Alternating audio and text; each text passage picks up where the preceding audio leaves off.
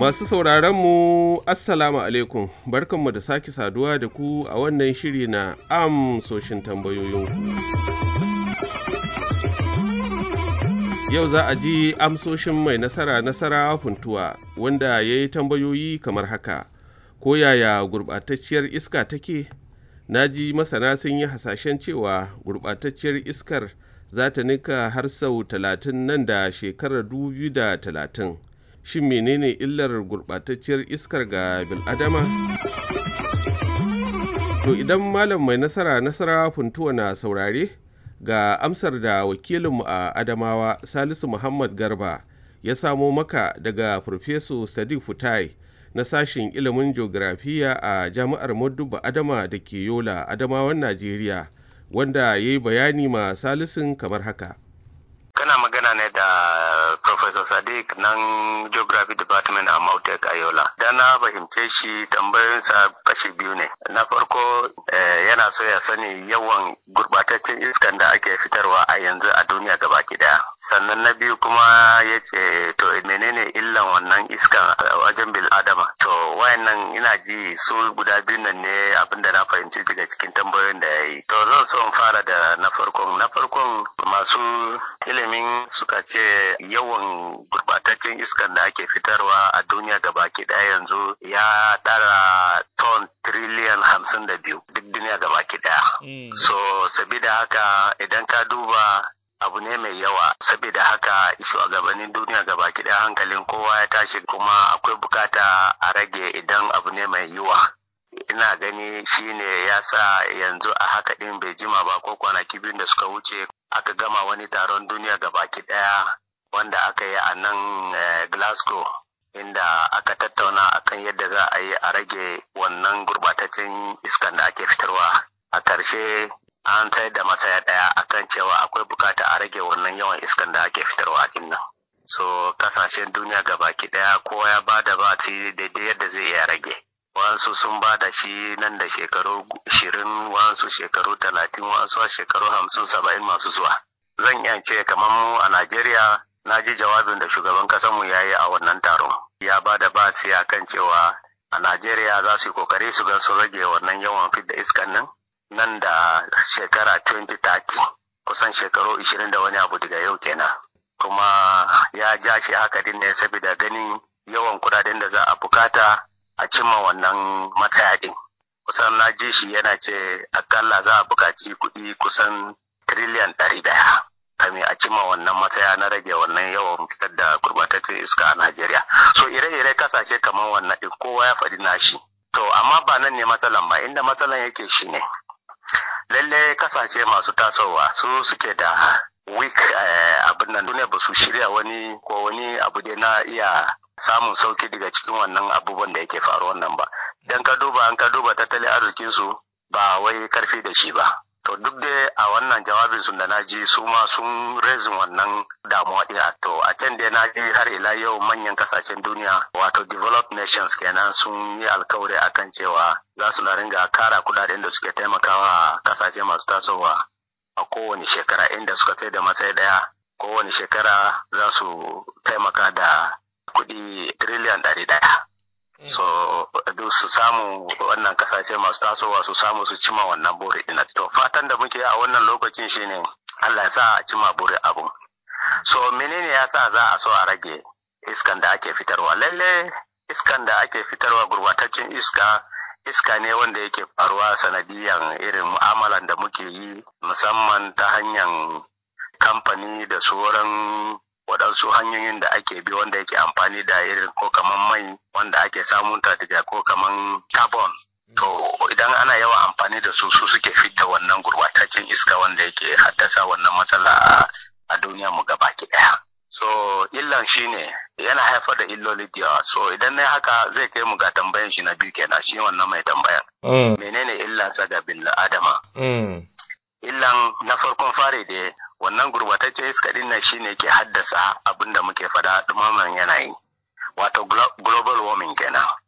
A nan za ka samu temperature na duniya yanayin zafi sai ya karu. Idan ya karu kuma a yanzu haka din yanayin temperature din mai yiwuwa a wasu wurare daidai ne a gurin su wanda yanayin su zai iya accommodating wannan temperature da yake. Amma in ya fara hauhawa yana karuwa to zai iya kawo wasu changes wa'anda ba zai sake zamanto wayannan wuraren su su yi accommodating din shi ba.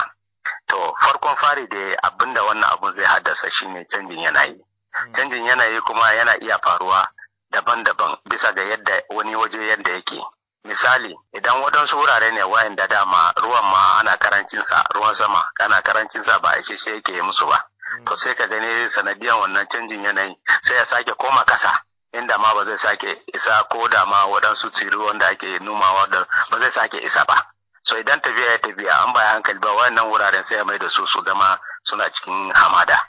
To sannan waɗansu wuraren da kuma misali dama ruwan nasu yana kaman kawo irin kaman flooding saboda dumaman yana ambaliya sai ka gan kuma yayi yawa. Idan yayi yawa kuma zai iya haddasa irin kaman asarar rayuka da dukiyoyi musamman wuraren da suke zama nan gaban kogi da sauransu. Ina so ka sani akan cewa da sauran masu jin mu a wannan lokaci mafi yawan manya-manyan biranen duniya suna nan a bakin kogi ne. So idan aka samu wannan ambaliya din to su ne zai fara cinyawa da fari. Sannan kuma idan ya yi yawa ya tsanani to sai ya shiga saura waɗansu wurare wanda suna dan nisa in ka duba abin da din documentation da kuma report daga wurin media da sauransu yanayin wannan damina biyu da suka wuce nan zaka gani mafi yawa an samu ambaliyar ba na kaɗan ba. Kuma duk wannan abun yana tattare da wannan canjin yanayi wanda wancan gurbataccen iskan da ake fitarwa yana iya haddasawa. Sannan idan muka dawo ga lafiya bil'adama wanda inda ya fi so ya sani kenan shine wannan zafi ɗin nan wanda yake karuwa ainihin jikin mutum yana da wani certain percentage na na temperature na zafi wanda zai iya rayuwa da shi. Amma idan ko ya yi kasa da wannan percentage ko ko ya yi sama da shi to yana iya haddasa wani matsala ga lafiyar dan adam.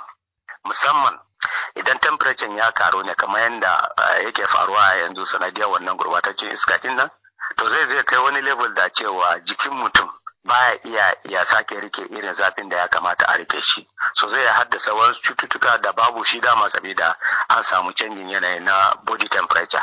Sannan kuma yawan iska din yana destroying wani abu nan ne a sararin samaniya wanda ake ce masa ozone layer. Wannan ozone layer ɗin nan wani iska ne gas ne shi ma wanda Allah ne ya yi shi saboda ya kawo mana kariya ga mu halittu na bayan kasa aikin shi wannan ozone layer din shine ya tare waɗansu ɓangare daga cikin hasken rana wanda yakan iya zuwa kan bisa doron kasa so yawan wannan ɓangaren rana din idan yayi yawa a bayan doron kasa yana iya haddasa wani ciwo da skin cancer to shi ainihin wannan gas ɗin nan idan ya je ya sadu da wancan ozone a sararin samaniya yana iya ya rage shi ne shi sosai ya zamanto haske ranar zuwan shi kuma sai ya yi yawa. Dama wancan shi yake tare shi. Yanzu kuma ya dawo wancan abin da yake tare shi ko ya ragu ko ya kare a waɗansu wurare.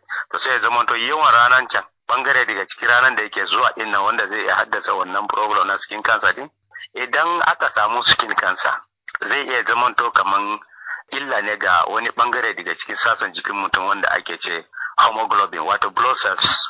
Wannan aikin hemoglobin din yana ɗaya daga cikin ɓangare na cikin hanyar jini ko ɓangare wani ɓangare jini wanda yake ya ya tare ko kaman yawan irin cututtuka da yake iya shiga jikin bil'adama ko ta wurin cin abinci ko ta wurin shakan wani iska haka.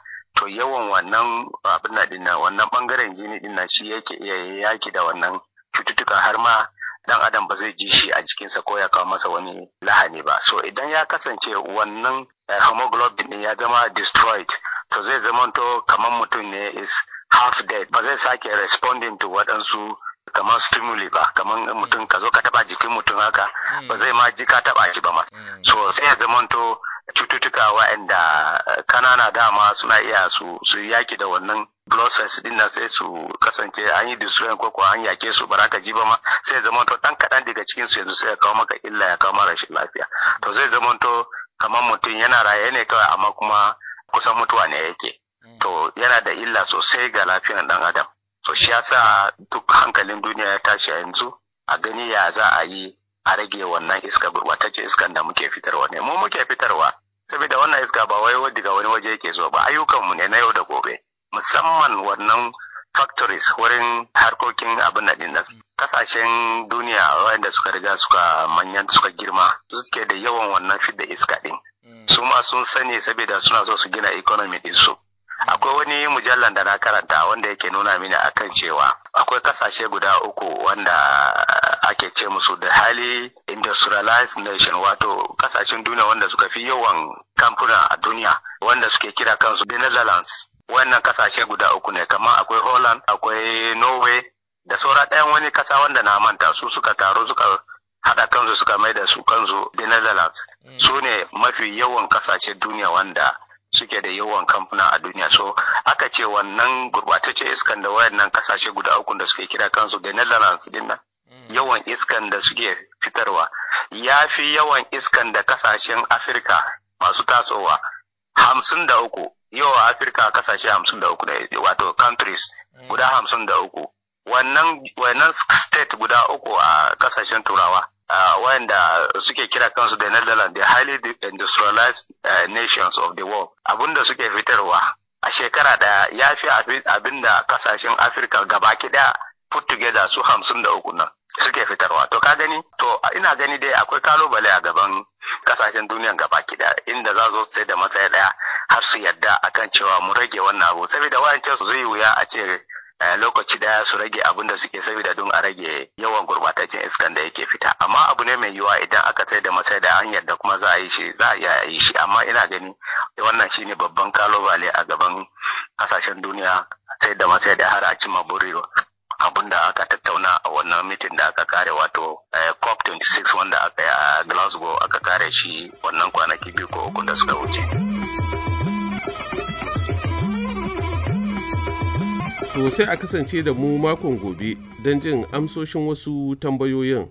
Yanzu a madadin Farfesa Sadiq Futai na Jami'ar Moduba Adama da ke Adamawan Najeriya da wakilinmu a shiyar Adamawa Salisu Muhammad Garba da wanda ya haɗa shirin haile haile da kuma injiniyanmu ni Ibrahim Kalmasi Garba ke cewa Allah kai makon goben lafiya.